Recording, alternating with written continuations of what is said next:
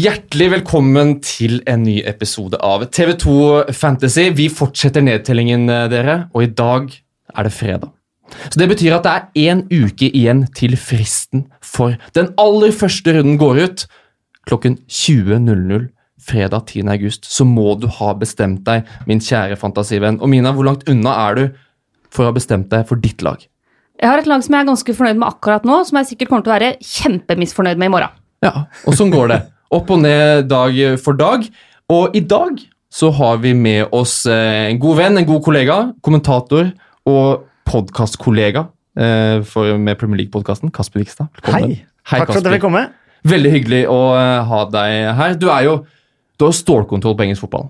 Og fra topp til bunn. Og da snakker vi om alle divisjoner, egentlig. Håper, eh, håper i hvert fall jeg har brukbar eh, kontroll. Så veldig mye championship eh, forrige sesong, så tror jeg vet stort sett hva som har beveget seg etasjen oppover. Mm, det blir veldig bra, og det passer veldig bra at du er akkurat i dag, fordi denne episoden skal handle om de nye bekjentskapene. Altså de nyopprykkede lagene, nye signeringer. Og Mina, du er jo mye mer sosial enn meg, så dette er en episode som du har gleda deg til lenge. Ehm, så skal vi altså, tenker jeg, ved enden av denne praten her, så setter vi frem en liste med fem navn som er de mest interessante fra de nye lagene og de nye signeringene. Er dere med på det? Jeg er med. Deilig. Da kjører vi i gang. Vi starter med de nyopprikka og eh, Aston Villa. Ta det alfabetisk. Ta det alfabetisk. Aston Villa først. Eh, del, den klubben som vel har henta flest spillere uh, i dette overgangsvinduet. Men uansett hvor mange spillere Aston Villa henter, så sitter jeg med en følelse at hvem andre enn Jack Grealish er det som er interessante i Aston Villa, Mina? Det er nok flere der eh, også, altså, men er Grealish er jo en mann som vi har venta på å få se i Premier League ganske lenge nå, Kasper. Vi har jo kanskje trodd tidligere at han kom til å gå til en, en eller annen større klubb i løpet av et overgangsvindu, men eh, nå har han klart å spille seg fram til målet i Aston Villa. Eh, hva syns du om eh, den unge juvelen? Han er en uh, fantastisk god fotballspiller. Uh, bedre enn kanskje en del aner. Og Aston Villa hadde aldri rykka opp uh, uten han. Det er hevet over tvil. Han var skadd i 14 kamper midtveis i sesongen forrige sesong. Da vant Mm. Aston Villa to av dem. da da var tilbake, så tapte de ikke før i siste serierunde, hjemme mot Norwich. Eh, og de eh, cruisa gjennom eh, playoffen eh, og, og rykka opp den veien. Så han er helt enorm. eh, er Aston Villa through and through. Det kommer Clariton Blue eh, blod ut av årene hans når han, eh, når han skader seg. Så eh, han har jeg også en jeg har tenkt, hvis jeg skulle hatt et fantasy-lag, at jeg hadde hatt med. Mm.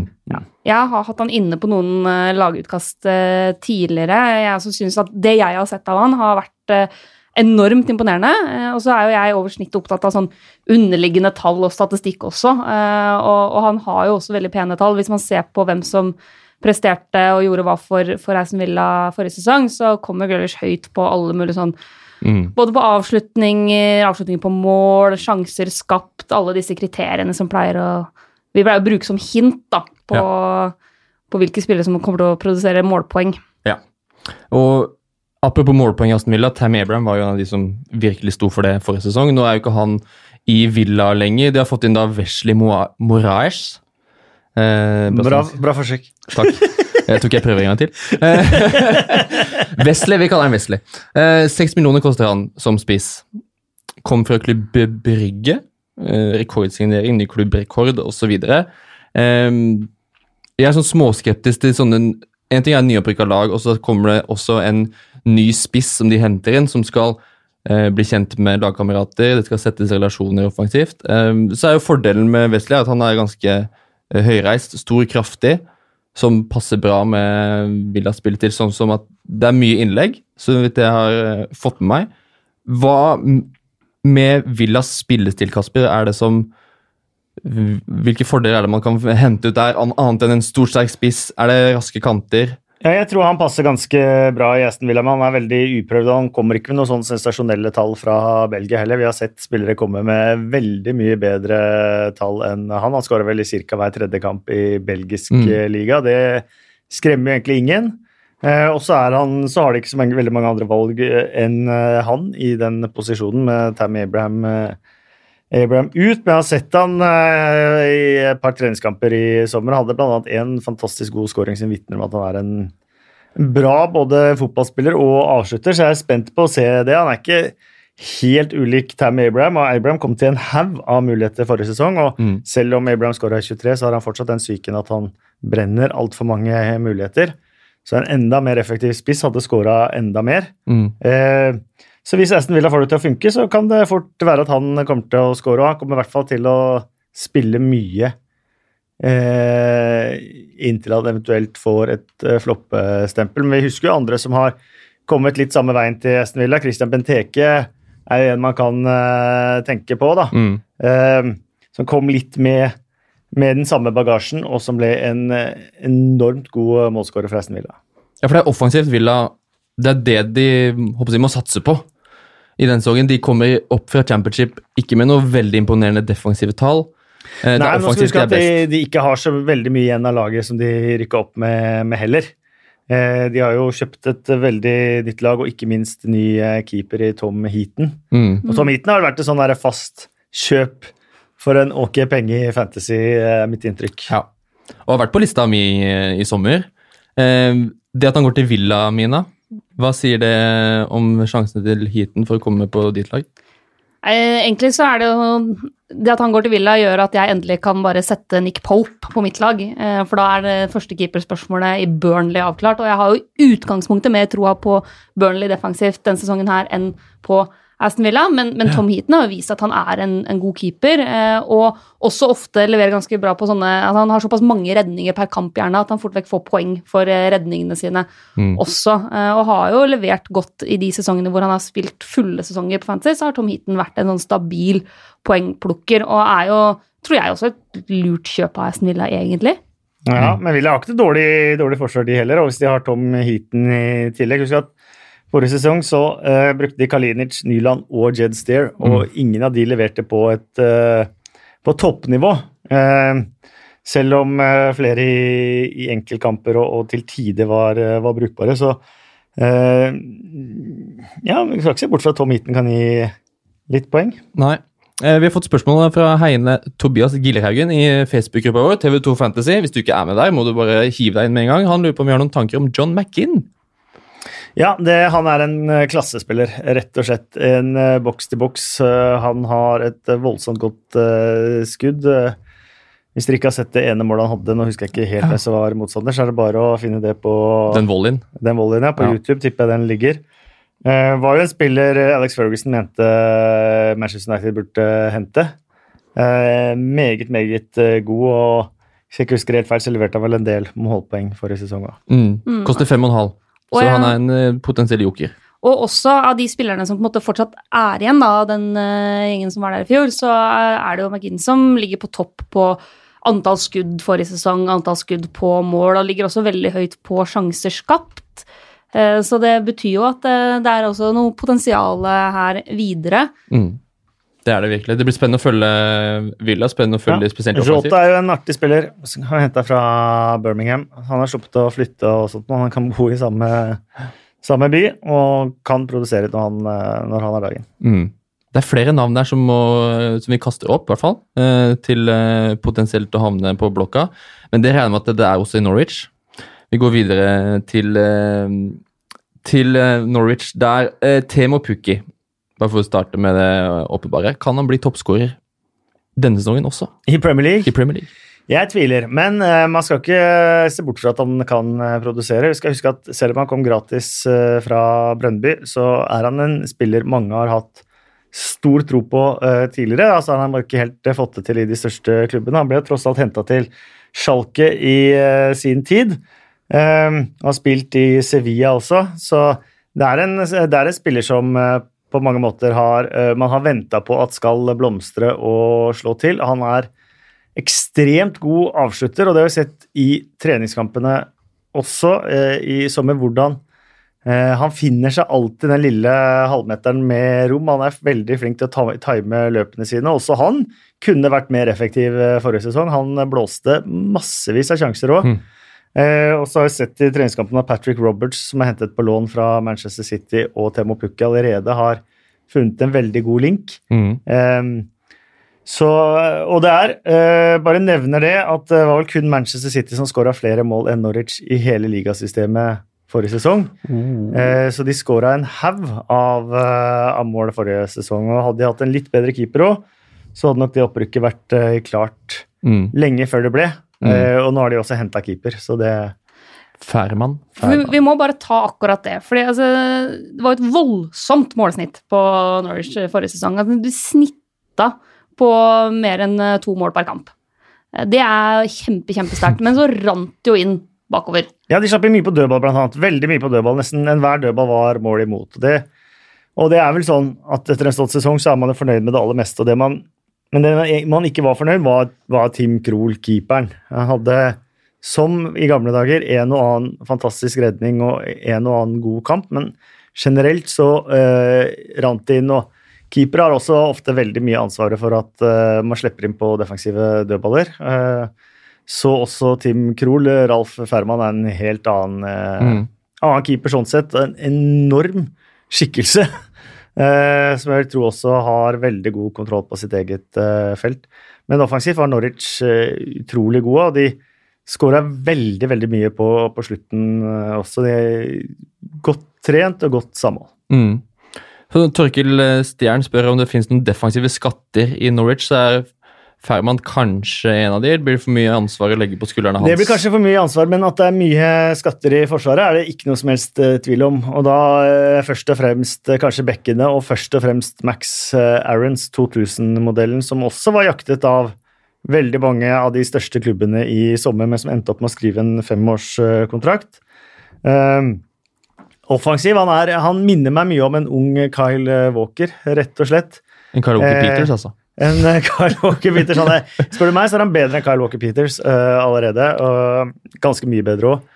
og eh, veldig offensiv. Eh, eh, kan få det occasional gult uh, gule kortet, for han har høyt tenningsnivå også. Men at han kommer til å i hvert fall ha en del assist, det, det tror jeg nok. Mm. Ja, for han er en av de jeg har eh, stående ganske høyt på, på blokka. Han koster jo 4,5, eh, så det er jo liksom ikke så voldsomt prisa heller. Men altså finne en, finne en eh, forsvarer som spiller eller spiller generelt som spiller helt fast til 4,5. Mm. Bare det er jo vanskelig nok i seg selv, er det ikke det? Jo. Jo, i hvert fall den sesongen her, for det har blitt skrudd opp en del Skrudd i, forsvar. Så jeg har på en måte han på lista mi over eh, interessante spillere. Men eh, og jeg, altså, altså Det jeg har sett av han har vært eh, enormt bra. Og, og det er det, det er jo det man ønsker seg. Man ønsker seg jo de offensive bekkene. ikke sant? De som kommer til å bidra framover i bana også. Men jeg kommer til å vente og se han på om man får litt mer orden på keeperspillet og defensivt. Og så er det jo også det at Norwich møter Liverpool, Chelsea og Manchester City i løpet av de første fem rundene. Så jeg Det tenker, er vinneren av Champions League, vinneren av Premier League og vinneren av Europa League. Det, på Ja. de fem første. Så jeg tenker at de, den, de der Velkommen. fem Europas tre beste lag. Så jeg kommer til å bruke de fem første kampene på å eh, speide litt på bl.a. Aarons og se han litt der. Men jeg tenker at potensialet for å holde nullen, og få mye poeng for å holde nullen i de fem første kampene, kanskje ikke er skyhøyt.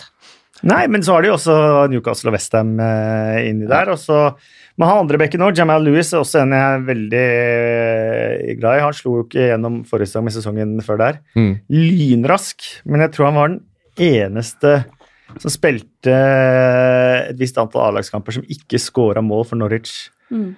Forrige sesong. Eh, Så det mangler, men at han kan få en del eh, målgivende. Og hvis han får det til å løsne også, for han også er en veldig offensiv eh, back, og antageligvis enda raskere enn Max Aarons. Tetty, da. Ja, Det spørs vel om Vi må ha Tetti. eh, På et eller annet tidspunkt må vi alle ha Tetty. Ja, vi må jo alle ha Tetty på et eller annet tidspunkt. Ja, Der er det mye gule kort, da.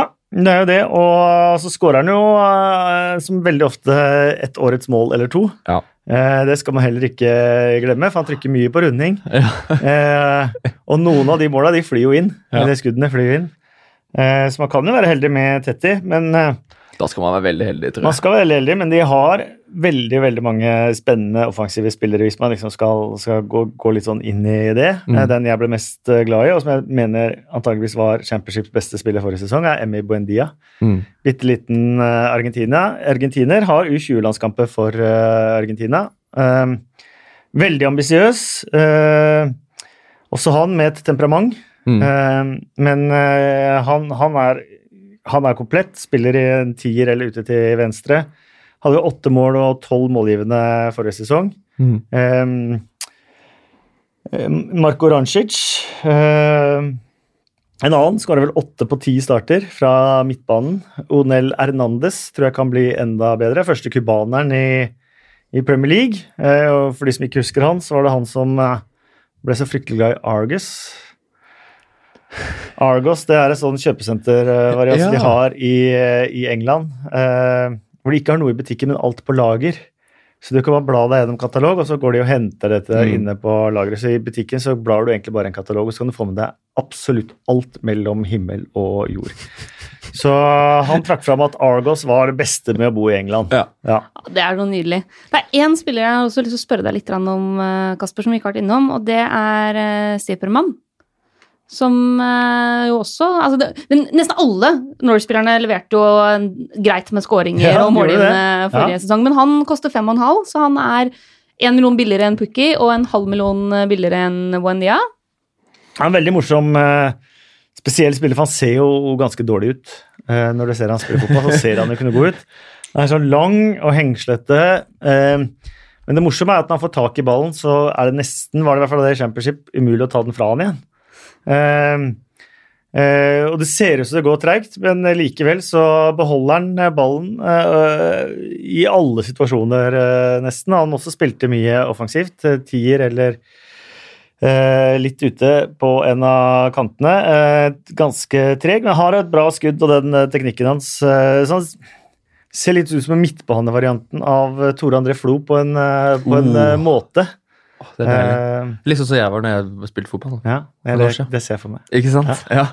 Men Vi kan jo sitte her i lang, lang tid vi har, og snakke om Norwich-spillere og sånt, men uh, Men sånn som Ben Godfrey, da, som jeg har vært eh, Jeg vet ikke, husker ikke Mm, om jeg var inne på, men flere uh, han skårer jo en del på, på offensive cornere. Ja. Eh, han er veldig, veldig sterk i begge boksene, og han kommer til å Mm. spille fast. mm, Det også er jo fint. Og det er vel Boendia som slår en del av de cornerne, er det ikke det? Jo da, det er det. Ja. Og all den tid vi sitter her og uh, spekulerer om hvilke Norwich-spillere som man bør ha på fantasy-laget sitt til sesongen, så kan vi egentlig bare høre fra de selv. Ja, for jeg spurte både Pukki og Buendia om eh, man burde kjøpe de. Ja, vi hører hva de svarte. Are you a good buy at fantasy? Never actually played that game. I, I believe I will score goals, so so I hope uh, hope many people will buy me and I will get some some points out of it. So you, you promise a bit of return for them? Yeah, yeah, of course. Good value for money. okay, thank you very much. Thank you. Thank you. And uh, me as a, as a commentator and a Norwich fan, I get a lot of questions on uh, Twitter. uh, uh, should they buy Buendia on the fantasy? should they? Yeah, but I, I don't play that game because I don't I don't know this game. But uh, yeah, I saw many people put on Instagram some things of fantasy and buy me one And it's it's good. It's yeah, make me happy. Are you going to provide the goals and, uh, and the assists to, to give them points? yeah, of course. I, I try to score, obviously, and make assist because it's good for me and for the team. Og så kan vi jo trekke fram etter det også, hvis noen ønsker det, så, så har du noen ordentlige billige, sånn som Todd Cantwell og sånt, hvis han kommer eh, for spillet. Men Patrick Roberts, eh, Manchester City-spilleren som ble henta fra Fulham i sin tid, og som var et supertalent, men som har hatt noen tunge sesonger. Jeg var utlånt i Spania forrige sesong. Han har sett veldig veldig god ut i sommer. Eh, og kan egentlig se for meg at under manager Daniel Farke eh, at dette blir, kan bli sesongen han eh, virkelig slår gjennom. Mm. Fem og en halv ligger Roberts på. Ja. Jeg merker jeg gleder meg, altså. Eh, Og det er jo heller ingen grunn til å tro at Norwich skal forlate den offensive fotballen sin bare fordi de hopper opp et nivå. Vi er vel ganske sikre på at de kommer til å fortsette å gønne på. Å ja, han er veldig tro mot spillestilen sin, Daniel Farke. Så altså får det bære eller briste, men det er nok det beste bettet Norwich har på å overleve òg. At de ikke mister troa på, på det, og det, det tror jeg de er flinke. De sa jo det at det som virkelig fikk de til å tenke at dette her funker, og dette får vi til, var etter 0-3-tapet mot Leeds. Mm. Eh, da følte jeg at alt klikka. Ja. og de fikk det til. Og etter det så tapte de jo knapt en kamp, så det, ja, de hadde jo rett. ja. Det blir veldig spennende å følge Norwich eh, i den øverste divisjonen eh, der borte på Balløya, som det populært eh, heter. Eh, Norwich og Villa de kommer opp sammen med Sheffield United. Eh, Mina, det er noen bekker der som eh, du er ganske keen på. Ja, altså Sheffield United var jo veldig solide defensivt eh, forrige sesong. Eh, hadde, altså, de holdt nullen i 21 av 46 kamper. Det er jo voldsomt sterkt, men det mm. som jeg syns er interessant, er jo f.eks. av Stevens, som er wingback, eh, og som eh, er en offensiv trussel. Mm. Eh, ligger ofte ganske høyt, eh, har ganske fine tall også. Problemet han er at han koster fem blank. Og jeg syns kanskje det er litt mye for en nyopprykka forsvarsspiller. Eh, og som det heller ikke har vist at han har nivået i Premier League inne. Ikke sant. For han har vært der før, og det har gått eh, så der. Mm. Men en annen ting som er interessant med, med Sheffield United, er at de, del, altså de spilte jo i fjor mye med en trebekslinje og wingbacker, men eh, også det de kalte for overlappende midtstoppere. Eh, og er Kasper, kan, altså Jeg syns jo det er superfascinerende og har sett en, en del på det nå, men, men Kasper, kan ikke du også si litt om den taktikken Sheffield brukte i fjor? Ja, men det er det. Chris Wilder er jo en sånn som eh, Hvis man bare skraper overflaten, som vi har sagt at han er en gammel engelsk dinosaurmanager, men hvis man ser på managerprestasjoner i England de siste årene, så er nok det Chris Wilder har gjort eh, kanskje det aller, aller mest imponerende. Han var manager i Northampton. Eh, så mot alle odds vant League 2 og rykket opp. Tok over Sheffield United, som er hjemklubben hans, etter det. Rykket de opp fra League 1 etter at de hadde vært der lenge. Eh, sesong to i Sheffield United så etablerte han dem på øvre halvdel. Eh, og så rykket han dem opp til Premier League. Så det Chris Wilder har gjort i, i Sheffield United, det er, det er helt vilt. Eh, og overlappende midtstoppere, det er eh, akkurat det det ligger i det ordet. At både høyre og venstre midtstopper er med i angrep eh, ofte. Og ofte ut på kant og legger innlegg og sånn òg, og skårer en del mål. Sånn sett, Jack O'Connell hadde en helt fantastisk sesong forrige sesong. Eh, kanskje den beste midtstopperen i championship forrige sesong. Og Mm. Eh, leverte både offensivt og, og defensivt. Eh, kanonspiller Mm. på det nivået. For, for Sheffield har henta Phil Jagielka eh, fra Everton. Eh, han er vel da den som spiller i midten, Hvis han får spille. hvis han får spille. Eh, men disse overlappende midtstopperne, det er da O'Connell. Eh, og John Egan eventuelt. Ja. Så det er de to Mm. man skal sette opp eh, på lista. Begge de to koster 4,5. Mm. Og, er, og Chris eh, Basham også ble vel brukt der Ja, en del eh, i fjor. Og Mm. jeg satt og kikka ned på tallene deres, og de midtstopperne der Hvis du ser på antall innlegg de har slått i løpet av sesongen, og antall innlegg per kamp og sånn, det er helt vanvittige tall, altså. Så de har jo virkelig fått liksom storme i Mm. angrep. Det, jeg gleder meg veldig til å se det, og jeg tror også også For de kommer til å gjøre det samme i Premier League? Ja, Han kommer nok ikke til å gå vekk fra spillestilen sin, eh, han heller. Og så har Sheffield United også i Chris Wilder, liksom eh, støpningen også litt sånn eh, Og med et par av spillerne de brukte også et sånn rykte på å være kick and run eh, championship, veldig tradisjonelt engelsk. Og til dels så har de vært det, men de har spilt ekspansiv, morsom, underholdende fotball òg. Mm. Og vært solide defensivt. Og Dean Henderson har holdt ved nullen i ni strake kamper eller et eller annet. Mm. Også forrige sesong, og nå har de fått han tilbake på, på lån. Mm. Eh, det tror jeg var veldig, veldig viktig for dem. Og han eh, Jeg har aldri vært så imponert over Dean Henderson som eh, mange andre, men forrige sesong var han virkelig Mm. rågod og kanskje i ferd med å få sitt virkelige gjennombrudd også, og det kan komme i Premier League. Mm. Ja, for det lurer Tina på, eh, om han blir førstevalg i Champions League. Ja, det gjør han. Det gjør han. Så når, hun, når Tina spør om han er et smart kjøp til 4,5, så er det i hvert fall en man virkelig kan eh, ta med i vurderingen. Til Kommer til å ha mange redninger. Mm. Mm, det, kommer til å være typisk sånn eh, litt sånn nedre halvdel, kanskje bunnlag-keeper med massevis av redninger. Mm. Så må vi ta litt offensivt også. Eller vi har vært innom det offensive, men de spillerne som også formelt på Fantasy er eh, midtbane og spisspillere. Jeg, jeg skyter et par navn din retning, Kasper, så får du gi oss en vurdering. Norwood. Eh, ja, jeg har veldig god uh, dødballfot. Uh, det har han alltid hatt. Men det er veldig vanskelig å si hvem som kommer til å spille fast på den, den midtbanen der også, så det er vanskelig vanskelig å si, faktisk. En joker kan jo være Ravel Morrison, hvis han endelig skal få det til. Han lever. Så han lever, og, og han har for første gang da måttet eh, jobbe for en eh, kontrakt, og var på to-tre ukers prøvespill før de bestemte seg for å gi han ett år. Eh, han har jo vært av den typen som Talentet har vært så enormt at han på en måte Uansett hvor mye han har dritt i seg ut, så har han visst at det ligger en kontrakt bak neste hjørne fra en eller annen som eh, håper at det endelig skal lykkes. Mm. Så dette er vel første gang de ikke har gjort det. Eh, og han er nådeløs, eh, Chris eh, Wilder òg. Det vil jeg tro Ravel Morrison eh, har vært klar over òg. Så, så hvis det skal lykkes for Ravel Morrison, så er nok dette kanskje, kanskje sesongen. Mm. Spennende, altså. Stian Larsen vil gjerne høre litt tanker rundt uh, Robinson. Callum Robinson. Som da er midtbanespiller, fem og en halv. Men det som er litt gøy med han, er at uh, det er en mulig spiss. Ja, han har i hvert fall blitt brukt som spiss nå I nå i i sesongoppkjøringa, og der har vel også klubben vært ganske tydelig på at eh, det er det han er aktuell å brukes som, først og fremst. Ja, men nå henter de mye spillere. De har jo henta Liss uh, Mousset, og Mm. Ollie McBernie kommer til å komme før eh, seriestart.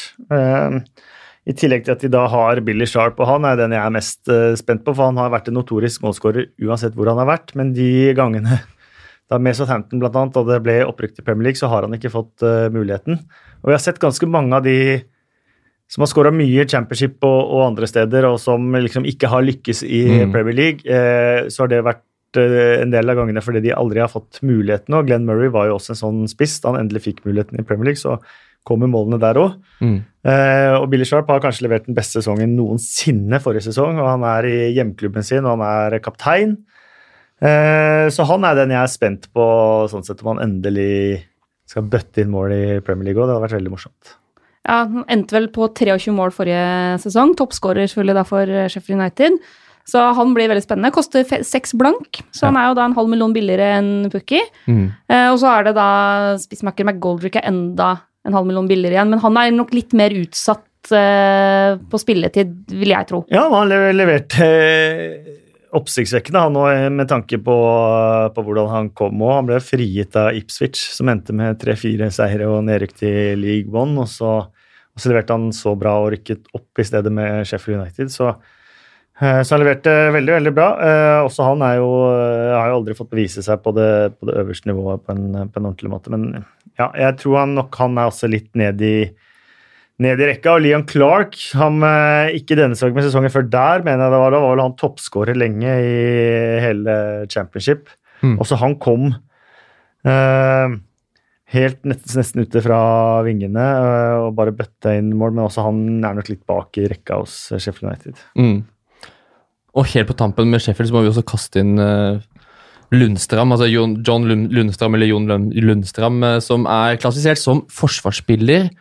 Koster da fire millioner, fire blank. Spilte Og- nesten ikke i det hele tatt i fjor, men har spilt mye nå i sesongoppkjøringa, da stort sett på midtbane. Ja, han er Så- midtbanespiller. Ja. Ja, kommer fra det Everton-akademiet som har produsert uh, veldig mange OK pluss spillere rundt om i, i eh, England. Han endte vel opp i Oxford før han ble henta av Sheffield United etter, eh, etter Everton. Mm. Eh, og har nok ikke blitt helt den spilleren man trodde han eh, skulle bli. Var veldig på gang i Oxford, men hvis han plutselig da skulle få muligheten og sånt noe, så veldig god fot. Mm. Så kanskje. Og vi trenger jo alle en fire blanke forsvarer som helst spiller så mye som mulig. Lundstrand kan være den Det eh, er verdt mannen. å følge med på. Verdt å følge med på. Da har vi kasta opp masse navn fra Sheffield også. Um, og vært gjennom da de nyopprykte lagene, men det er også flere signeringer fra Championship, eller spillere som kommer fra Championship forrige sesong, som nå skal spille i Premier League, som også er veldig verdt å nevne. Um, I Chelsea, for eksempel, som da har en registreringsnekt, som det er, som jeg lærte av eh, deg, Kasper, på Premier League-båten, at det er ikke en overgangsnekt. Ehm, De er da blitt nødt til å bruke sine spillere som har vært på utlån, og som nå kommer tilbake. Og først og fremst Tam Abraham og Mason Mount er jo de to som det er kanskje knyttet mest spenning til inn i denne sesongen. Eh, Når det gjelder Tam Abraham, og koster han syv millioner. Det gjør også Olivier Giroud, det gjør også Michi Bachuay. Frank Lampard jeg tror jeg ikke vet hvem som er førstevalget. Han har uttalt sjøl at han liker at det er konkurranse, og at uh, han har flere spisser som kan skåre mål. Um, så at det kommer til å bli rotasjon på den spissplassen her, det er jeg helt overbevist om. Um, men det er verdt å følge med på Abraham, men det er også verdt å følge med på de andre Chelsea-spissene. Mason Mount, seks blank koster han på midtbanen. Han synes jeg er spennende, fordi han har vist gode takter i preseason for eh, Chelsea. Så kan man jo spørre om den plassen han, har i laget er litt sånn på låntid med William. Har vært i Copa America. Nei, men eh, si ikke det, fordi at uh, Mason Mount spilte under Frank Lampard forrige sesong. eh, og var en særs viktig spiller for Frank Lampard forrige sesong, så han kommer ikke inn der med, med blanke ark og nå må jeg bevise alt for nye manageren. Han er jo en av de som eh, faktisk har bevist for manageren hvor god han er. Mm. Eh, har jo vært i engelske landslagstroppen også, som championship-spiller, faktisk. Så han eh, tror jeg nok kommer til å få tillit. Så er det opp til han å også, ta den av mange av de talentfulle unge midtbanespillerne. Så er det kanskje ikke han som er den som er imponert aller mest, men han er helt åpenbart en spiller i utvikling og var bedre siste halvdel enn første halvdel forrige sesong. eh, Også vokste med både at Darby gjorde det bra og under Frank Lampard, og, og med, med tillit selv også. Mm. Så er det noen av gutta der, altså de der litt nye gutta på dekk hos Chelsea, Mina, som uh, du blir frista av? Av de to syns jeg Mason Mount er mest interessant. For min del. Eh, hvis, jeg skulle, hvis jeg snakker om å, sånn fantasy-messig, da. Men også egentlig som fotballspiller, må jeg innrømme. Altså, Tam Abram har, har ofte imponert meg, men jeg syns Mason Mount har et litt annet potensial, da. Sånn jeg, det jeg har sett av dem nå så langt, i hvert fall. Syns jeg at eh, Mount har sett bra ut. Um, og så er det jo et par andre spillere også som tar turen fra championship til Premier League, og det er sånn som Daniel James, Kasper.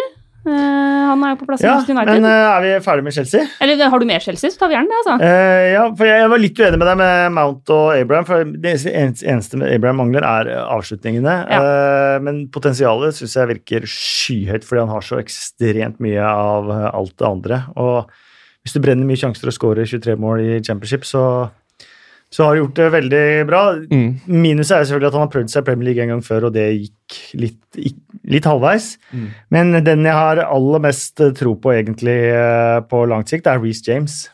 Mm. Eh, og om eh, han kunne klart å få seg en Og jeg har hørt og, også at han, han begynner å bli litt utålmodig, så enten for Chelsea eller om han blir lånt ut til en annen Premier League-klubb. Eh, for meg så har han hele pakka til å bli en topp, topp, toppspiller. Mm. Eh, Reece James i tillegg så har han eh, skudd- og dødballfot også, hvis han endelig skulle få muligheten og skulle produsere noen fantasy-poeng eh, poeng også. Mm. Det blir nok en liten stund, stund til, for enn så lenge så er ikke Reece James lagt inn Er har ikke lagt inn? i Fantasy. Men der har vi jo sett for at det hender at de legger inn spillere når de får Mm. debut. Eh, Ja, for jeg vil jo tro nesten at han er andrevalget bak at spiller Kveta sånn som det er nå, i hvert fall på Ja, høyrebekken. sånn, ja. Sabah Costa litt på vei ut der. eh, og han kan spille på midtbanen også, veldig, veldig anvendelig. Så Mm. han er så god at det nesten vil overraske meg om han ikke får, uh, får muligheten. Og Mm. om han ikke da kanskje vil dra et annet sted hvis han ikke får muligheten i Chelsea. Mm. Og Frank Lappard var manager i Championship forrige sesong òg, og ser han hver dag, så jeg vil tro at han også ser om Reece James blir god nok. Ja, det regner jeg med. Um, du var på vei til å begynne med Reece, eh, nei, Reece James. uh, Daniel James. ja, uh, hva er dommen, Kasper? Du har vel kommentert han også? for Han spilte jo på Ullevål. Ja, han er, han er veldig god, eh, men det er mange store steg på kort tid. Mange som har på en måte vist at det, det kan komme en stopp før det kommer en go igjen. Uh, han har jo det viktigste verktøyet i alt, og det er rykk og fart. Mm. Han var Ja. voldsomt, det rykket der. Ja da. Uh, Så kan man jo bygge fra det, men det er ikke mer enn et drøyt år siden han var på utlån i Shoesbury og ikke fikk spilletid og ble sendt tilbake til uh, Swansea, for de trengte han ikke i League One. Eh, Så, så det, er, det er gått voldsomme steg. Han var vel U23-stallen til eh, Swansea for eh, ett år siden, da de skulle starte i championship. Men vi har jo sett han også mot Manchester City i FA-cupen, f.eks., hvor han totaldominerte Manchester City. Så potensialet der er veldig, veldig stort. Mm. Ådne Finseth lurer på om han er i startervern til United. Jeg, Jeg, jeg, jeg vil tippe han er i hvert fall i nærheten. Han er i hvert fall veldig nærme. Ja. Uh, jeg, jeg blir ikke overraska hvis han starter den første runden. Nei, det, nei jeg blir ikke overraska heller, men jeg tror ikke han gjør det. Nei. Det er eh, et godt svar. Eh, I tillegg så har eh, en spiller som jeg syns ser ganske spennende ut, som Southampton heta, fra Birmingham, Che, che Adams. Det er en sånn deilig boyband-vibe over det navnet der. Det ble vel 22 mål i Birmingham forrige sesong. Um, og det at Southampton går og henter en ny spiss når de allerede har Danny Ings og Shane Long var jo plutselig fått litt sånn comeback, eh, føltes det som, på tampen av forrige sesong, så virker han ganske spennende. Han er veldig du om han, spennende. eh, Han er, eh, han er en ekstremt god avslutter. Han er så vass på første og andre touchet til å skaffe seg den lille åpning som trengs for å, for å score. Eh, han har et brukbart eh, rykk, er relativt eh, rask, men vanskelig å si det på Premier League-nivå. Eh, hvor, men, eh, men avslutningsegenskapene hans han er utrolig god der. Og så har han imponert veldig i sommer, eh, Mm. også i treningskampene til Southampton. Koster seks millioner. Det er det samme som Danny Ings. Shane Long ligger på fem, og jeg vet at mange som tenker at han er en nydelig billig spiller, for han får jo spille. Jeg er redd at spilltiden til Long kommer til å krympe ganske kraftig. Adams virker som at Ja, ja. jeg kjøpte inn der for å Han være et førstevalg på det. Definitivt, det tror jeg også. Uh, og jeg tror han kommer til å skåre en del uh, mål. Og jeg tror han passer veldig godt inn der òg. Mm. Ah, jeg gleder meg. eh, Nå, nå kjenner jeg jo mer vi prater om det her, og mer gleder jeg meg til å se de her eh, gutta som kommer opp. altså, og skal virkelig få prøve seg nå. Ja, du må se. Championship òg, vet du. Og League One og League Two Ja. og alt mulig. Det er massevis av morsom både Altså- fotball og spillere som kommer, eh, kommer derfra. Kan jo avsløre at Noe av grunnen til at vi hadde så lyst til å ha inn Kasper i podkasten, er at jeg har jo etter hvert nå jobba en del sånne Deadline Day-sendinger med Kasper, og det hender jo der at det, det kanskje ikke kommer de Det går noen timer hvor det ikke er så store signeringer i de største klubbene, og da sitter jo Kasper og går gjennom alle som har flytta på seg fra Championship og nedover, og plutselig er det sånn Ja, så der er han, ja, som går fra Luton nå. Han hadde jo for fire sesonger siden det kjempehalvår ja, ja, i det- eh, league two. Du kan godt le av det, men, Men det er eh, nyttig. fotballen som leveres der, og størrelsen på klubber og, og alt mulig Husk at Portsmouth på fjerde nivå drar nesten 20 000 tilskuere i snitt, liksom. Eh, så, kan man kalle det, så kan man kalle det smalt eller bredde eller, eh, eller rart eller sært eller hva man vil, men eh, det er enormt store klubber som er nedover der, og veldig mye bra fotball og fotballspillere også. Jamie Vardy kom fra Conference til eh, Leicester. Mm. Eh, Da snakker vi utenfor ligasystemet igjen. Mm. eh, Og ble ligamester i, i Premier League og har bøtta inn målet og spilt på landslaget, liksom. Ja. Eh, Så, så jeg er ikke med på at det er så sært og smalt som eh, mange andre vil Nei, altså, jeg eh, synes det er helt nydelig. Men alle syns jo fantasy også er sært og smalt, Ja. så vi er i godt selskap her, alle sammen, tror jeg. Men kanskje vi skal snakke også litt om eh, de litt større klubbene, da, Kasper. Eller ja. vi tenkte at vi må bruke litt tid også på noen av de spillerne som har kommet til England nå fra andre ligaer i andre land. Eh, Vi har jo ikke noen verken tid eller ambisjoner om å gå gjennom samtlige signeringer. Men det er jo noen som kanskje utmerker seg litt fra de siste dagene. Ja, vi kan starte med det ferskeste, Ja. tenker jeg, med Nicolas Pepe Til Arsenal. i Arsenal. Um, For en haug med penger. Mm. og eh, kantspiller inn der, eh, sammen med Aubameyang, sammen med Lacassette. Eh, jeg har liksom hatt et inntrykk av Emery prøver å spille inn den 3-4-1-2-formasjonen nå en stund, med Øsil bak de to eh, kanonene på topp. Og så, når de da kjøper en kantspiller, så blir jeg litt forvirra. Eh, skal han da legge om, eller er det noen som skal ut? Er det formasjons... I den formasjonen, og sånn som Arsenal har framstått, så passer, klarer ikke jeg å se for meg han inn der. Nei, men har, De har jo sagt det at eh, det er den posisjonen de aller helst har villet forsterke lenge. Mm.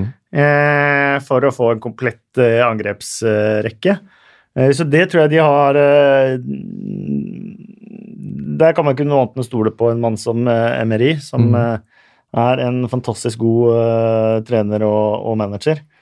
Ehm, og så eh, har ikke jeg sett altfor mye av Nicolas Pepe, eh, skal jeg innrømme, men eh, En spiller som var spiss. Han ble henta til Lill som spiss av eh, Bielsa, uten at det var noe suksess.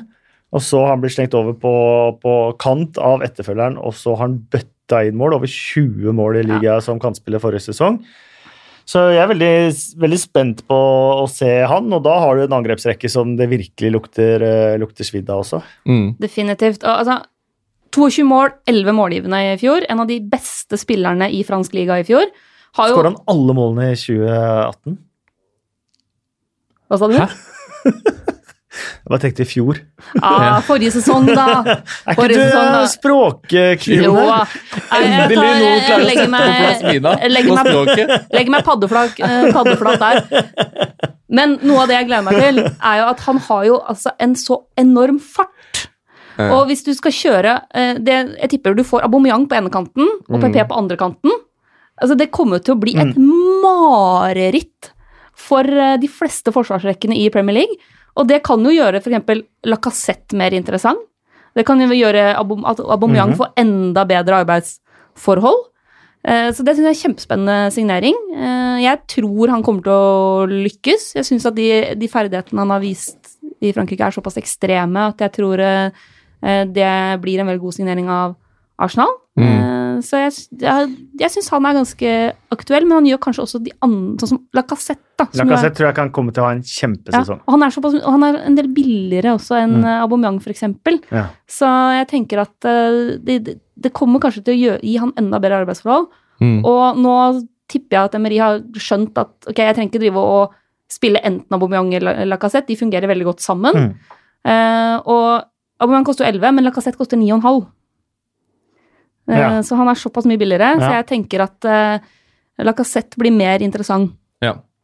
Nå har ikke PP kommet inn eh, Jeg med pris til å ennå. koste. Eh, Det er nok rett rundt hjørnet. Vi hadde håpa at den kom sånn akkurat idet vi satte oss ned her. Eh, Men det, for det er veldig mange som spør om han i eh, Facebook-gruppa vår. Så hvis vi skal anslå altså Hvilken pris må han ligge på? Mina, han kommer inn som du- midtbanespiller, Det gjør han. Ja, det er jo et stort pluss, er det ikke det? ja, Han kommer til å være dyrere enn Øzil. Jeg tipper han vil ligge på 8,5 eller 9 i pris. Er det, er det så mye? Nei, det er egentlig ikke så veldig mye. Nei. Eh, Men for en som eh, bare i Gåstein har én sesong i Frankrike hvor han leverte Ja. bra, for all del, men Christian Eriksen koster jo også ni blank. Oh, ja. ja. Så hvis du sammenligner med han, så er det jo Christian Eriksen et mye bedre kjøp enn PP i mitt uh, hode. Så for at han skal få en plass på laget mitt Du er ikke helt enig, Mina? Nei, altså Jeg syns det er vanskelig å, Hvor mye si mål kan han få da med Aubameyang og Lacassette ved siden av seg? Altså, hvor mange Han mål kan få mange målpoeng. Ja, Og kantspillere som bøtter i mål, det må jo være en verdi i det. det er det. Men da, det blir jo veldig sånn hvis som at det dersom Ja, at han ikke har denne Hvis jeg skal ha prisen. så merker jeg at nå skal jeg kjøpe han. Ja. Bare for å terge deg når han banker inn mål. Nei, men det, det kommer helt an på prisen, Jeg kommer ikke til å hive inn han fra start, i hvert fall. Det er poenget mitt. Nei, det kommer ikke jeg til å gjøre, men det er fordi jeg er for feig, så jeg er litt, jeg er litt forsiktig med sånn helt nyankomne spillere. Jeg vil gjerne se dem i laget i en kamp som betyr noe, før, eh, før jeg hiver dem inn, men verdt å nevne Men sånn seg. snakker dere ofte på Fantasy. Ja. Nå har jeg aldri spilt noe særlig Fantasy, bortsett fra at jeg nesten vant VM Fantasy, men eh, I landet. Gata på topp. men dere snakker alltid om alle spillerne som dere kanskje skal vente med og så hive inn etter hvert. Ja. Man har, man bare, man har bare ett bytte hver runde. Yep. Ja. Da bruker man fort noen måneder på å hive inn eh, de fem spillerne man skal hive inn. da. Ja. Ja, det var, jeg brant meg opp på det forrige sesong med f.eks. Ryan Frazier. Som jeg planla å sette inn, men aldri hadde på en måte kunnet prioritere. Så kanskje bør vi bare Det hive er han mange i rett inn. vannskorpa. Eh, Ja, det Men nå må vi jo prate om òg, for Ja. å kunne sitte her i Nei, uke Nå inn og spør jeg uke fordi jeg er nysgjerrig, altså. Ja. Ja.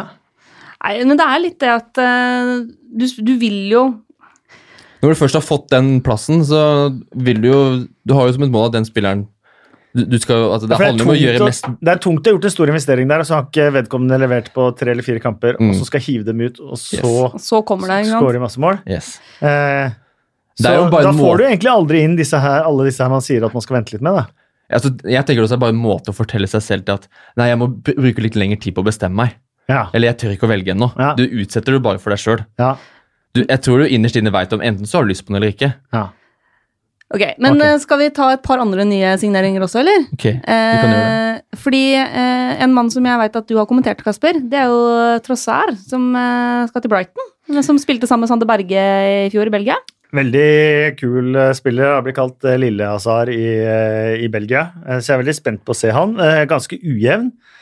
Slitt litt med skader og sånn òg, tror jeg, men det dumme for Brighton er at jeg tror de kommer til å ha en elendig sesong. Og jeg kommer Mm. nok ha, til å ha de på 20.-plass på tabelltipset mitt også.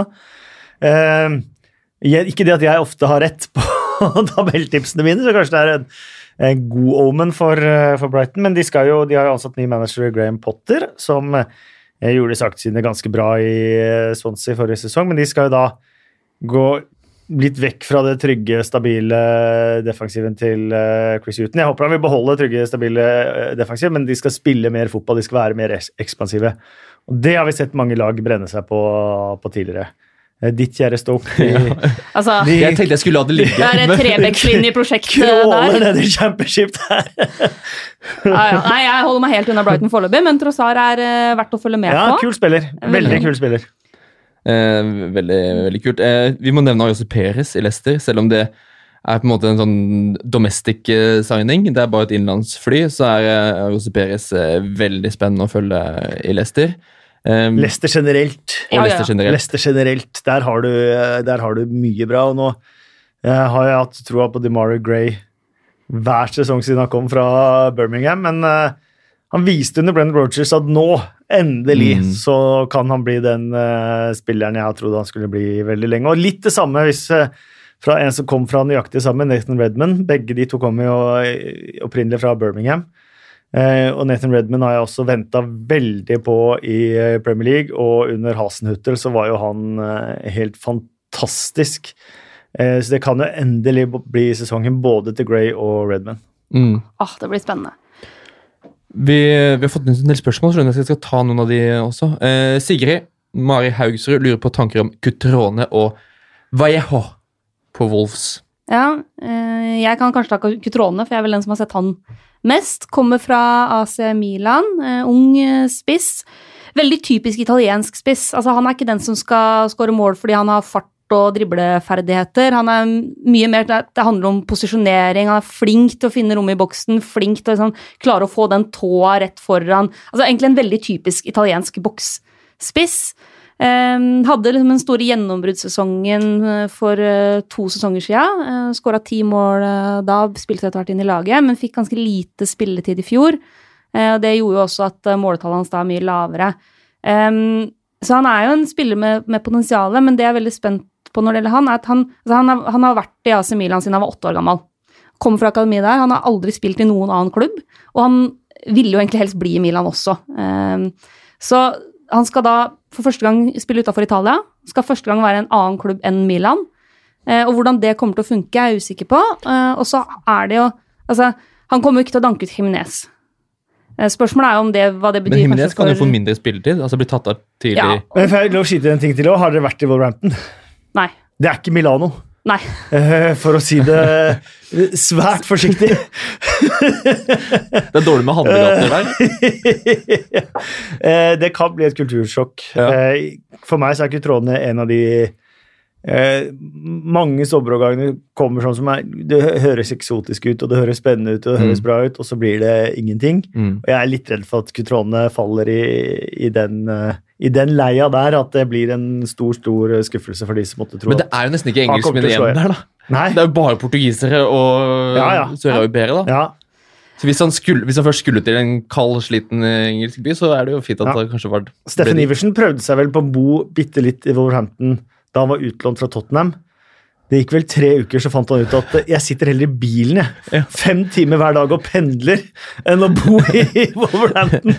Så han fortsatte å bo i, i London, faktisk. Nei, det kan bli hardt for uh, unge Patrick, men det som kanskje er mest interessant, er jo hva det her betyr for eksempel en spiller som Jota, som ble brukt mye som spiss på tampen i, fjor, har nå blitt omklassifisert på Fantasy fra midtbanespiller til spiss. Eh, fryktelig god, men hvis, man, hvis Kutrone skal inn der, så kan det f.eks. bety at Shota flyttes litt lenger bakover i bana igjen, og det kan jo Altså, jeg tipper jo han er signert også for å ha litt mer dybde Ja. eh, på spissplass. Eh, For nå, nå spiller de Europaliga-kvalifisering.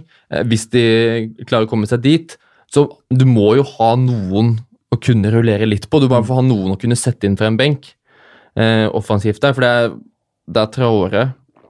Og så er det Ja, Cavaleiro er vel skada. Heller Costa Er ikke Cavaleiro lånt ut? Eller er han u... Ja, det er han også. Det, så, Da, han blir vanskelig å bruke, da. Det er vanskelig å å få inn han i den Jeg føler det er så spennende ut offensivt. Det er Knockert og Cavaleiro på hver sin eh, ving og eh, Mitrovic i midten. Så det er akkurat som du er inne på, Mina, at uh, Wolverhampton trenger bare litt dybde. Ja. Og da er Cutrone pass, eh, godt passende inn der. Men ikke noe poeng å ha han på et fantasy-lag før vi faktisk har sett han i Nei. aksjon i England, tenker jeg. Sjøl om jeg er jo veldig sånn personlig har et stort hjerte for Patrick Cutrone. Jeg syns han er en veldig kul spiller. Eh, enorm arbeidsinnsats eh, så langt. En sånn ekstremt oppofrende spisstype. Så tror jeg at det er best å vente der og se. Jeg er veldig usikker på hvordan det prosjektet kommer til å gå. Spennende. da. Kort om Vallejo, da. Ja, eh, Han er jo stopperen de har mangla Mm. Ja. på mange Jeg måter. er- I treeren. Jeg syns jo Bennett uh, fortjener mer uh, kreditt enn det han har fått for den jobben han har gjort. Det har vært veldig solid, men uh, han har ikke vært han er ikke så god eh, at så hvis man skulle ta et steg videre og spesielt med der, eh, prøve å være enda mer spillende bakfra med treerne sine, og sånn, så er Vallejo et veldig veldig spennende signering. da. Mm. det kan jo gjøre også andre defensive spillere mer Conor interessante. leverer jo en del, gjør han ikke det? Sånn fantasy-messig. Ja, det er Willy Bolli som er den uh, er Og okay, Docherty, da, men han ja. ja. Men uh, Bolli er, er jo en spiller som jeg for eksempel vurderer å ha på mitt lag. Ja. Og både Cody, Bolli og Vallejo ligger da inne til fem blank. Ja. Så det er noe man kan Nei. følge med på. Veldig spennende treer, da. Ja, det er jo det. Sånn eh, utenom fantasy, men sånn Fantasy, ja. fotballmessig. Ja, ja. Ja, det syns Alle mulige måter. Mm. Uh, så Wolverhampton, spennende. Eh, Westham også. Det er flere som eh, spør om både Haller og Fornals. Roar Helbostad lurer på hvor gode de egentlig faktisk er, disse to nysigneringene. Jeg har veldig tro Ja, jeg på, på, på, på Westham. Og sånn fantasy-messig. Lanzini Ja, Det er nå skadefri eh, i et eh, lag som virkelig begynner å se ut som et svært godt lag framover på banen, i alle fall. Eh, fortsatt klare svakheter eh, bakover.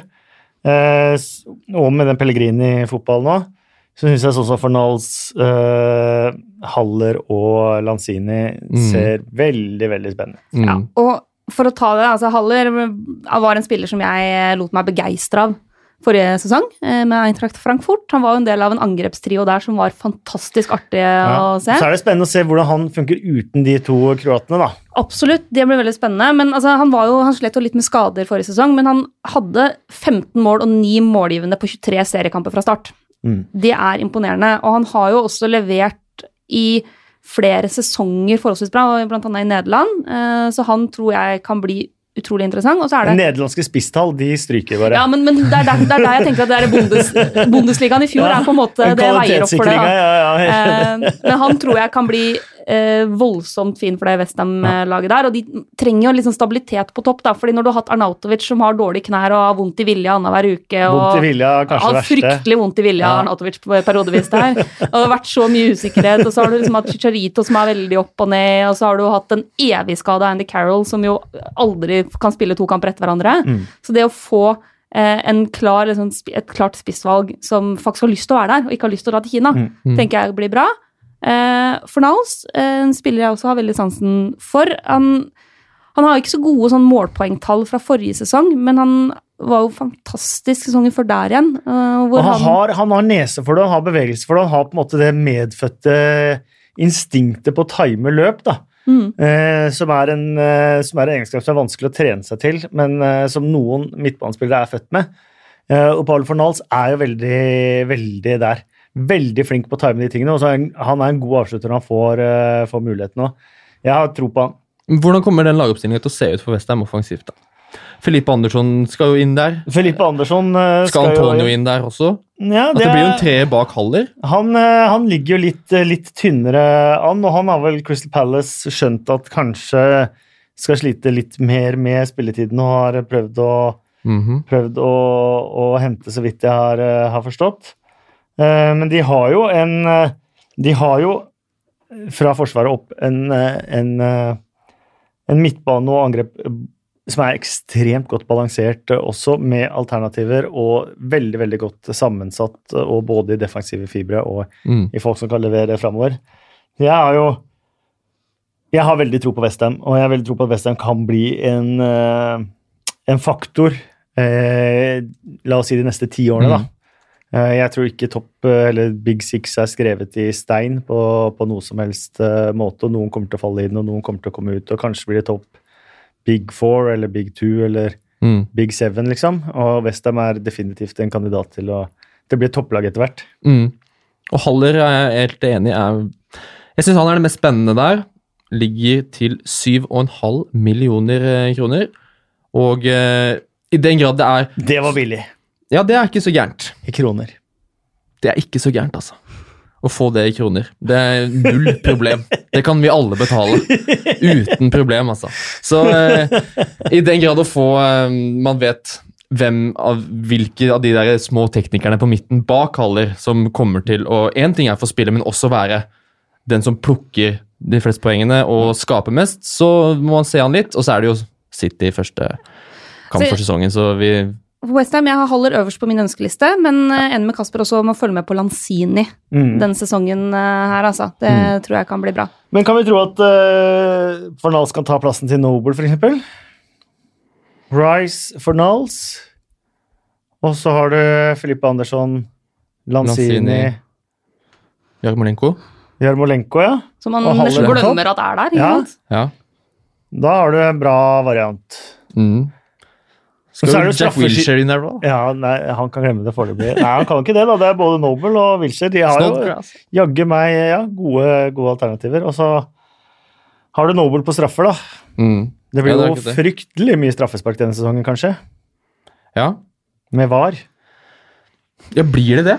Ikke nødvendigvis. Altså, jeg Det blir flere. Sett, jo, jeg har sett litt tall på det, og det har vært slått litt ulikt ut i ulike ligaer. Ehm, fordi ja, man vil jo få en del straffer som tidligere ikke har blitt dømt, men det er jo også andre veien, ikke sant? Er Ja, men det er en litt som ny hens-regel og sånt. Ja. og Nå skjønte jeg at eh, Premier League skal ikke kjøre he eh, helt full pupp, sånn som eh, vi har sett mange andre steder, men likevel så vil man tro at det blir flere hens-straffer, f.eks. Sannsynligvis, ja. Så det blir spennende å følge med på. Da er det Milivojevic! Rett inn! Ja, ja. Men Men de kommer til å få færre, for Ja, for Saha, det. Det er så mye Saha kan ikke filme seg til straffe lenger. altså, Saha får jo halvparten av straffene, han nå. Det er jo helt, uh, Så Milvojevic det kommer ikke til å skå. Han kommer til å ha ett mål han, denne sesongen. Det er ett frispark. Så det, det, kan, vi- det kan vippe begge veier, egentlig. Både, det kommer an på om det er Crystal Palace eller ikke. Ja. Kanskje. Det er eh, noe med det. Um, vi skal ta noen eh, kjappe spørsmål til. Eller du holder på hånda, Mina? Nei, ta spørsmålet. da Det er greit, det. Eh, Da kan jeg ta spørsmålet i stedet. Fordi det var Ok, Vos har vi tatt. Eh, nå ble det borte, vet du. Selvfølgelig. Det er jo sånn, eh, Sånn er det også alltid når jeg skal gjennom sånn samme i min egen podkast, faktisk. Jo, der! Tommy Bergstrøm. Eh, vi glemte han å snakke om, om han i stad. Kan Pulisic erstatte Hazard i Chelsea? Og da blir et scoop til 7,5. ingen, for det, for det først, ingen kan erstatte Eden Hazard i. Chelsea. Det finnes, ikke, det finnes ikke enkeltspillere som kan erstatte det Hazard tilførte det Chelsea-laget. Eh, men eh, Pulisic kommer til å få mye spiltid. Det er det ingen tvil om. Mm. Ja, I forrige treningskamp nå mot Salzburg så hadde han to mål. Og så blir han tatt eh, så Chelsea får straffe, så da får han en assist. Mm. Ehm, og begge de to skåringene er at han Det er bare rett i bakrom. Han løper fra Mm. forsvaret. Um, så det er jo tydelig at det er en Det er noe som Chelsea har savna litt. Ja, men jeg har sett Chelsea både med og uten Hazard sist sesong og før det. Og, Natt og dag. ja, det er det. Det er et blanding mellom et topplag og et uh, middels pluss-lag, rett Mm. og slett. Og sånn sett så ville jeg vært fryktelig bekymra hvis jeg var, uh, var Chelsea. Ja.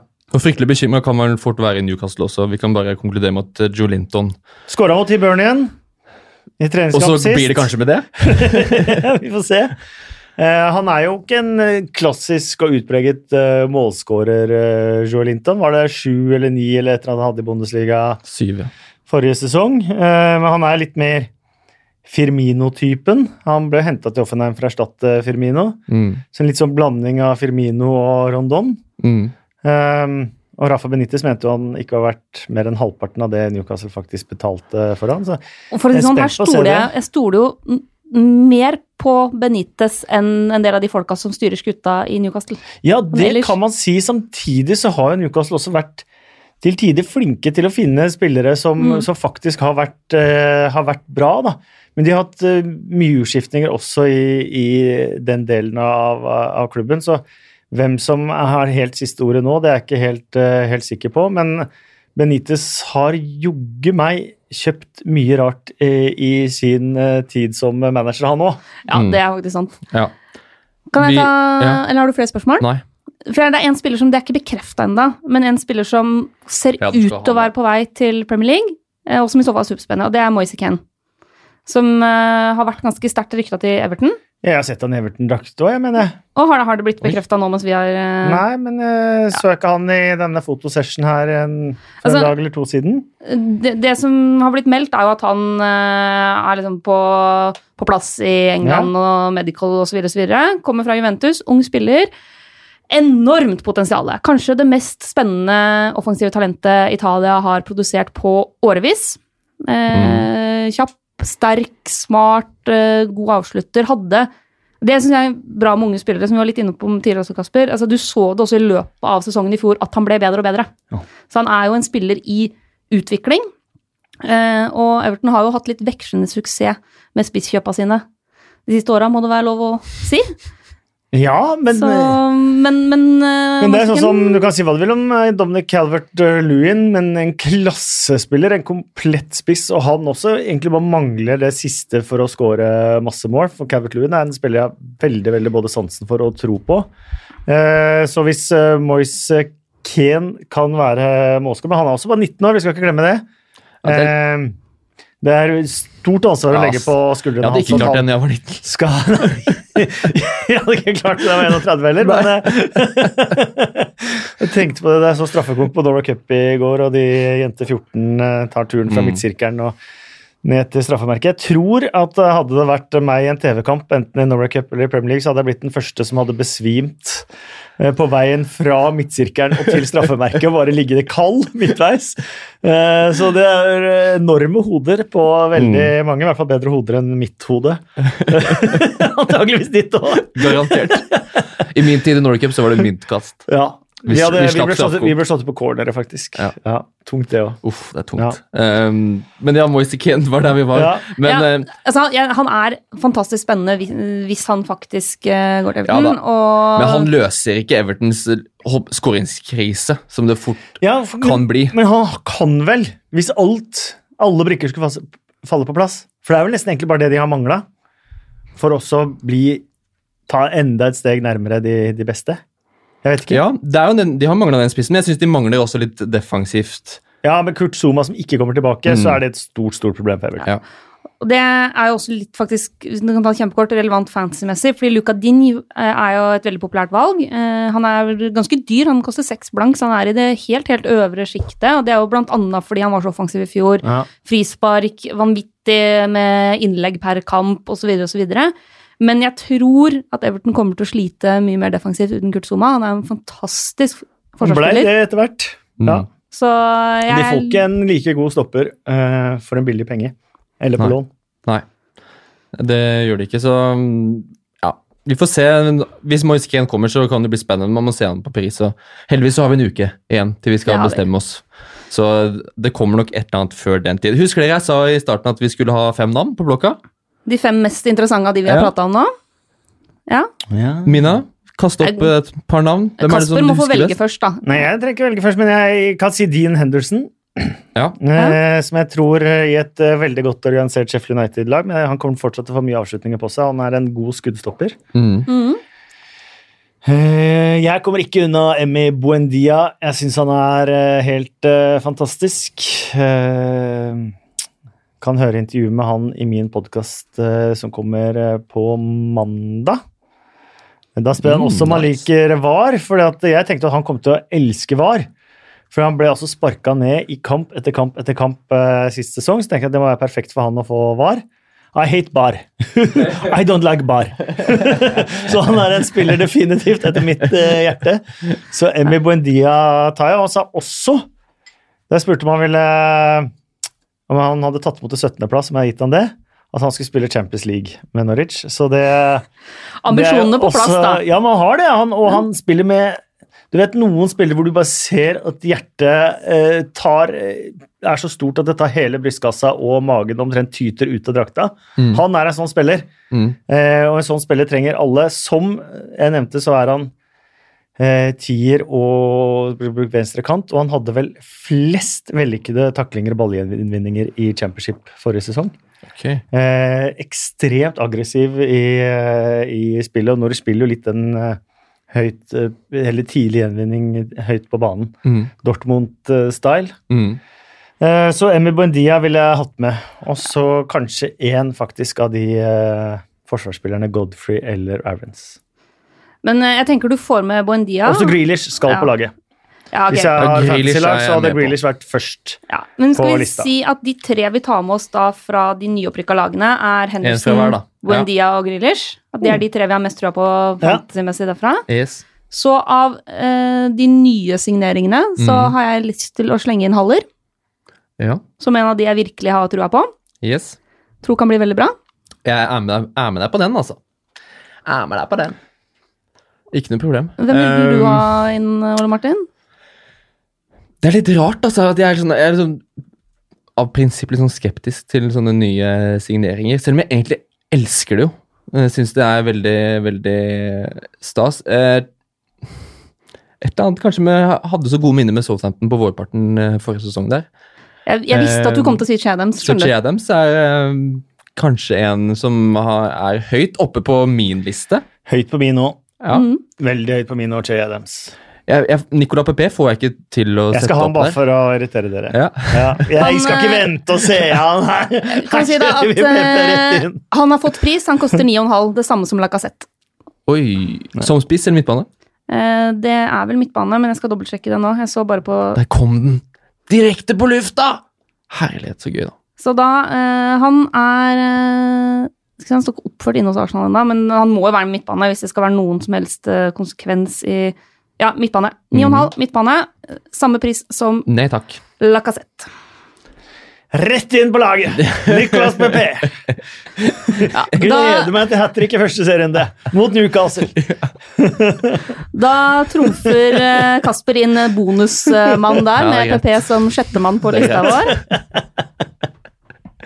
Ja, det er helt greit. Ja. Det er helt greit. Skal vi si oss ferdig med det, eller? Mm. Lista blir Henderson, Buendia, Jack Reelish, Haller, Che Adams Og Men eh, og Nicola Pepe, da. Nicola Pepe. Ok, Til 9,5, dere. Du som er språkkvinne, hvem, eh, hvordan uttaler du Nicolas Pepe? Nicola Pepe, Pepe, Pepe. Altså, jeg ville sagt eh, PP, men uh, Men fornavnet? eh, Ikke Nicola Nicolas Pep. Nicolas. Nicola. Ja. Nicolas. Pepe. ville jeg gjort, da. Men Han har greier over begge ene. Mm. mm. Mm. Ja. Så inntil videre legger jeg meg på det, men eh, du veit jo aldri hvilke varianter som uh, sniker seg inn. Uh, altså, navn er jo vanskelig også for språkvitere, fordi du har ulike tradisjoner i ulike regioner, i ulike land, og så videre. Argentina er spesielt vanskelig der, for de har så mye italienske navn. Ja, bare kaos. Da er jo ikke dobbel L J lenger.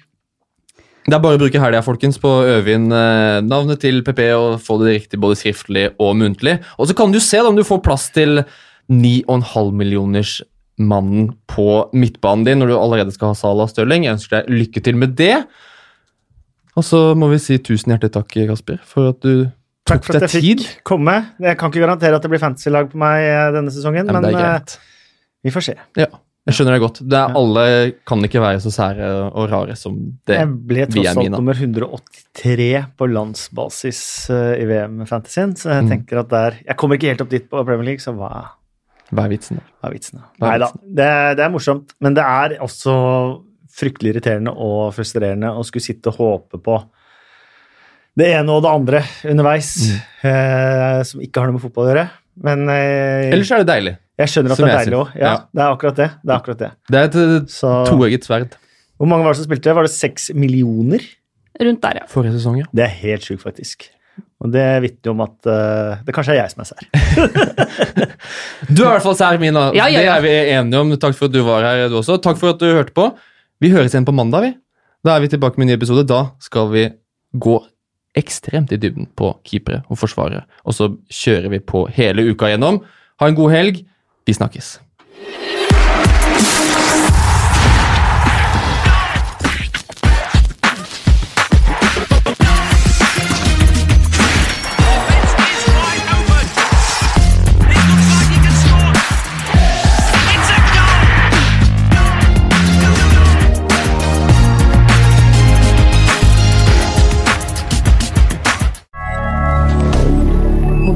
Rüdiger.